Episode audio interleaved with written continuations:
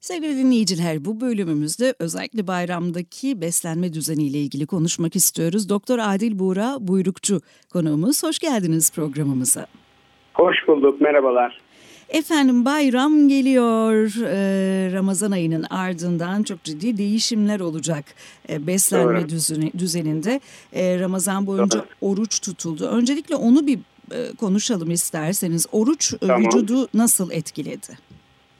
Şimdi aslında bizim yüzyıllardır yaptığımız muhteşem bir şey oruç. Ama bundan 4 yıl önce Çinli bir bilim adamı e, aç kalmanın yani oruç tutmanın e, vücudu nasıl onardığı, gençleştirdiği ve toksinleri at, atlattığını bilimsel olarak açıkladığı için Nobel ödülü aldı. Evet. İşte bu Nobel ödülü alınmış bir uygulama yani orucu biz aslında yıllardır yapıyoruz. Neden Nobel ödülü alındı? Neden oruç faydalı? Şundan dolayı vücudumuzda e, yediklerimiz ve içtiklerimizle birlikte biz nasıl ki yediğimiz içtiğimizden sonra idrar ve dışkı olarak bir şeyleri çıkartıyoruz. Hücrelerimiz de kullandığı enerjiden bazı toksinler üretiyorlar ve bu toksinleri zaman içerisinde temizlemek gerekiyor. Evet. Ancak ki sürekli beslendiğimiz zaman maalesef ki sürekli vücudumuz bu besinleri yakmak, bunları sindirebilmek için uğraştığı için hmm. toksinleri temizlemeye fırsat bulamıyor ve yediğimiz şeyler ne kadar ağır, ne kadar kötü olursa o kadar fazla vücudumuzda toksin birikiyor. İşte oruç bu toksinlerin atılması, vücudumuzda biriken kötü, bize zarar verecek, işte kanser yapacak, hastalandıracak her türlü olumsuz şeyin temizlenmesinde muhteşem bir araç. Yine evet. en önemli açıdan ruh dinginliği açısından da muhteşem bir araç. Çünkü yine yapılan çalışmalar göstermiş ki beden sağlığı, sağlıklı bir vücuda sahip olabilmemiz için fiziksel sağlık yerinde ruhsal sağlık da çok iyi olmalı. Dolayısıyla ruhsal sağlığımızın iyi olmasını sağlayan en önemli şeylerden birisi dua etmek, e, Allah'la bir arada olmak. Bunu da sağladığımız yani hem bedensel hem ruhsal anlamda sağlığımıza kavuştuğumuz muhteşem bir uygulama. Hı hı. Ee, onun, onun için de bize çok büyük faydası var. Çok büyük e, insanlar insanlara faydası var. Sadece yaptığımız hatalar tabii iftar ve savurda yapılan hatalar. Hı hı. Bunları da dengelersek orucun oruçtan maksimum faydayı sağlamış olacağız. Hı hı. Ve hemen arkasından gelen bayram var. Ee, evet, ee, iftar evet. ve sahurda hatalar yapılıyor dediniz. Bayramda da epey hata yapılıyor galiba Sayın Burukçu. Maalesef, maalesef. Şimdi şöyle tabii hani e, biz orucu tuttuktan sonra iftar ve sahurda e, aslında orucun amacına hizmet etmeyen şekilde biraz da gözümüzü doyurmak için e, bazı şeyler yapabiliyoruz. İşte karbonhidratlı şeyleri çok fazla e, tüketiyoruz. Özellikle karbonhidrattan e, kastımız tatlı değil yalnız. Hamur işlerini çok daha fazla tüketiyoruz. E, ve bir de aralıksız yemeği sıklaştırmaya çalışıyoruz. Örneğin iftarımızı yaptık. Daha sonra sahura kadarki süreçte ya çok aç kalıyoruz. Özellikle bu dönemde biliyorsunuz 16 saat sürüyor açlık. Evet. Bu nedenle sürekli yiyelim gibi bir hataya düşebiliyoruz. Onun için de aslında bu hatadan kurtulmak gerekiyor ama hemen sonra gelen bayram daha büyük bir hata alıyor. Ya işte 30 gündür kahvaltı yapmıyorduk. Kahvaltıda çok fazla şeyler yiyelim. Genelde işte börekler, çörekler, ızgaralar falan derken, kızartmalar derken e, orada en büyük e, şimdi 30 günlük bir açlıktan sonra bir anda kahvaltıda bu şekilde karbonhidratlı ve özellikle unlu gıdaları tüketmeye başladığımızda hı hı. vücudumuza aşırı bir toksin yükü vermiş oluyoruz. İkincisi bu sene tabii e, bir yasak var ama tabii. yasak olmadığı zaman da veya kendi evimizde tatlıyı çok fazla tüketiyoruz biliyorsunuz. Bayramların vazgeçilmezi baklavalar e, veya şerbetli tatlılar çok fazla oluyor. Bunu da e, gün içerisinde daha sık beslemeye başlıyoruz. Şimdi 16 saatlik açlıkta vücudumuzda insülin denilen ve aslında bizim bütün metabolizmamızı kontrol eden, yağ yapan, yağ parçalayan bir hormon var. Hı hı. Bu insülin hormonu çok düzenli ve az miktarda salınıyor aç kaldığımız için. Ama bu 4 günlük süreçte biz çok sık yer ve çok kalorili yersek insülin hormonu çok hızlı salındığı için bu sefer vücudumuzda özellikle böbreklerimiz ve karaciğerimizde daha fazla harabiyet Hı-hı. ve daha hızlı bir kilo alımı söz konusu oluyor. Hı-hı. Onun için de bayramda bizi dinleyenlerden en büyük ricam evet tabii ki bir 30 günlük dönemden sonra bir bayram havası yaşayacağız. Buna hiçbirimiz karşı çıkmıyoruz. Ancak mümkünse bu bayram havasını e, yaşarken öğünlerimizi iki öğüne düşürelim. Zaten karantinada olacağımız için evet. kahvaltıyı biraz daha geç yapalım. Akşam yemeğini de biraz daha erken yiyelim. Biliyorsunuz 8-8.30 orucumuz açılıyordu. Hı hı. Bu sefer biz bu e, akşam yemeğini 5'e doğru çekersek vücudumuz gün içerisinde aldığımız miktarı e, ve yoğun karbonhidratı, yoğun unlu gıdaların yarattığı faktörleri de onarmış olacak. Bir de tatlımızı akşam değil de akşam yemeğinden önce yani sabah kahvaltısıyla akşam yemeği arasında yiyelim. Örneğin benim için en ideal zaman 10 ile 5 arasında saat 10'da kahvaltımızı yapalım. Daha sonra 10 ile 5 arasında o bayram tatlılarımızı yiyelim, bayramlaşalım, çocuklarla güzel bir zaman geçirelim. 5'te son yemeğimizi yiyerek yani iki öğün yiyerek daha sonra da akşam çayımızı içelim, bitki çayımızı içelim, kahvemizi içelim ama yanında herhangi bir şey yemeyelim. Akşam yemeğinden sonra yenenlerin e, daha fazla zararı olduğunu söylüyorsunuz değil mi? Evet, evet. Çünkü hücrelerimizin yapılan çalışmalar gösterdi ki hücrelerimizin ve mide bağırsak sistemimizin saat 3'ten 4'ten sonra çalışması yavaşlıyor. Evet. Ve saat 5'ten sonra da hücrelerin çalışması gereği alınan her türlü besin yağ olarak depolanıyor. Yani Hı-hı. enerji olarak çok fazla kullanılmıyor. Bir de şimdi yoğun tatlı tüketimi, yoğun unlu gıda tüketimi olacağı için biz bu dönemde 5'ten sonra yemediğimiz zaman 5 ile sabah 10 arasında vücudumuz gün içerisinde aldığımız yoğun gıdayı hem yakacak yani evet. bizde kilo olarak geri dönüş olmayacak hem de eğer bir onun yarattığı bir harabiyet, bir toksin veya başka bir şey varsa aldığımız gıdalarla ki zaten unlu gıdaların çoğunda gluten ve gluten benzeri şeyler aldığımız için bir toksin almış oluyoruz. Hı hı. Böylece o 5'ten sonraki süreçte sabah 10'a kadar gerçekten de vücudumuzun temizlenmesine fayda sağlayacağız.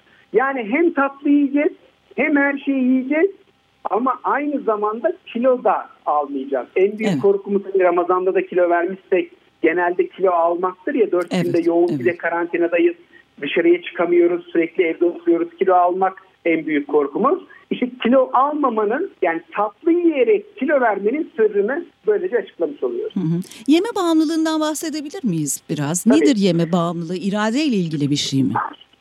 Şimdi yeme bağımlılığı aslında maalesef son zamanlarda gerçekten de bizim için çok ciddi bir problem olmaya başladı. Çünkü sonuçta bu bir bağımlılık. Nasıl ki e, sigara bağımlılığı var, alkol bağımlılığı, uyuşturucu bağımlılığı. Hatta ben artık buna sosyal medya bağımlılığını da ekliyorum. Hı hı. E, internet cep telefonu bağımlılığı. Yemek de aslında bir bağımlılık. Çoğu zaman biz aç olduğumuz için yemiyoruz. Gözümüzü doyurmak için yiyoruz. Psikiyatrik olarak aslına bakarsanız bu bir davranış bozukluğu. Hı hı. Yani siz tokken aç olmadığınız halde yemek yiyorsanız işte önünüze güzel bir meyve tabağı geliyor.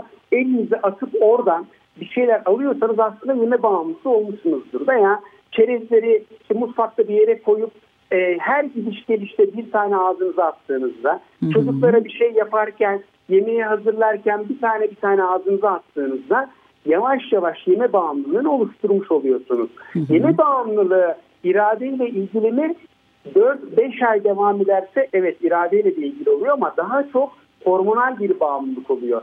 Çünkü biz her ağzımıza attığımız besinle insülin salınımını ortaya çıkarıyoruz. Aynı zamanda tokluk hormonu salınımını da ortaya çıkarıyoruz. Bir de yemek yediğimiz, hele ki bir de tatlı şekerli gıdalar yediğimizde mutluluk hormonu bağırsaklarımızdan salınmaya başlıyor. Çünkü artık yapılan çalışmalarda gösterdi ki mutluluk hormonunun %85'i bağırsaklarımızdan salınıyor. ne oluyor? Biz işte tatlı yediğimizde veya başka bir şey yediğimizde bu mutluluk hormonunun salınmasıyla birlikte böyle bir yavaşlıyoruz. Hani yemekten sonra bir böyle durgunlaşırız. Evet, evet. E, şey çöker. Hani ya deriz bir dakika bir yemeğin şeyini at, mahmurluğunu bir atayım deriz. İşte aslında orada mutluluk hormonu miktarı salınır. Mutluluk hormon miktarı fazla salınmaya başladığında da bizi bağımlı hale getirmeye başlar. Çünkü her yediğimizde biraz mutluluk hormonu salınacak. Her yediğimizde işte çikolata bağımlılığı tatlı bağımlılığı da aslına bakarsanız buradan gelir.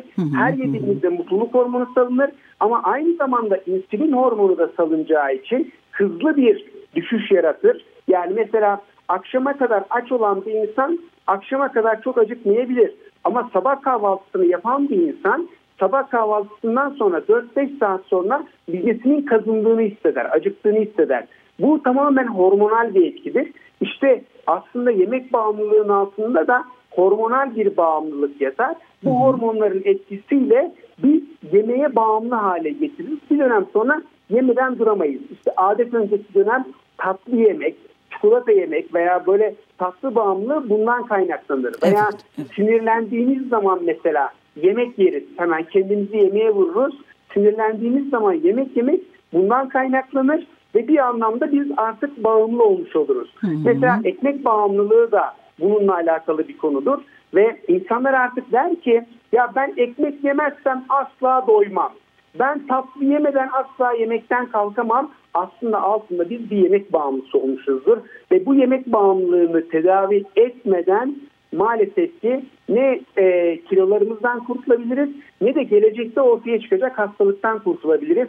Çünkü yemek bağımlılığının gelecekte yarattığı en büyük hastalık şeker hastalığıdır. Evet. Özellikle tip 2 şeker hastalığı son yıllarda çok ciddi arttı biliyorsunuz. Hı hı, tip 2 hı. şeker hastalığının altında yatan en önemli neden yemek bağımlılığıdır.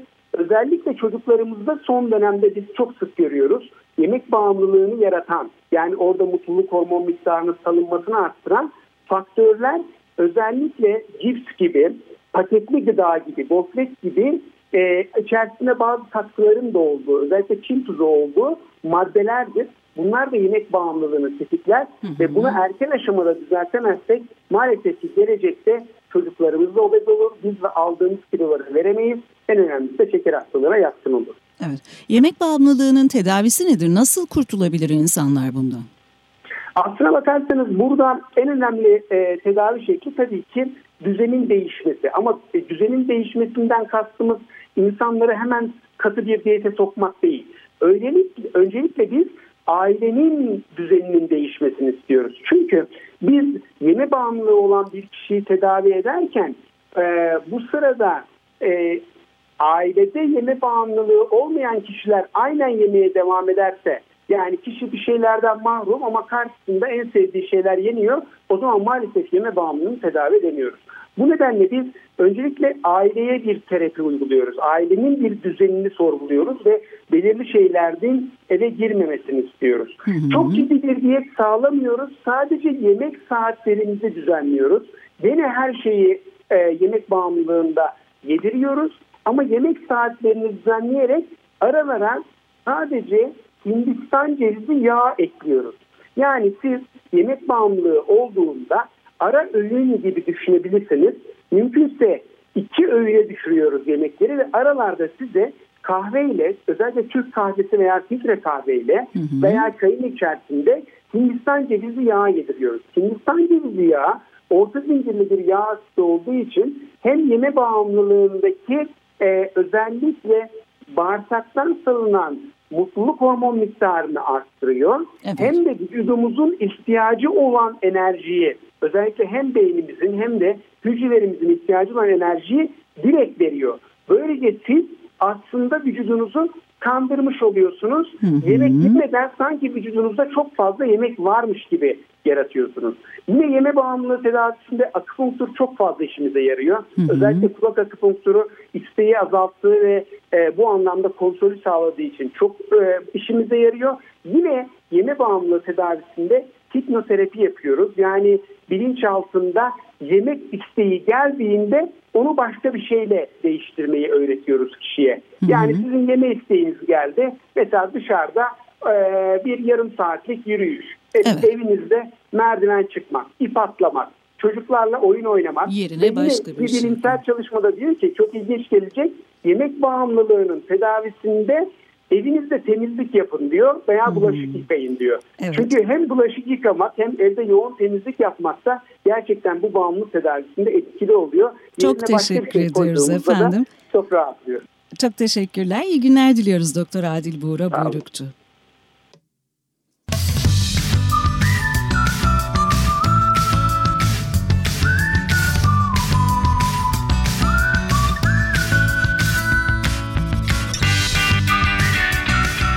Anne, Baba, çocuk. Bazen bir bebek, belki evde bir dede, anneanne, babaanne.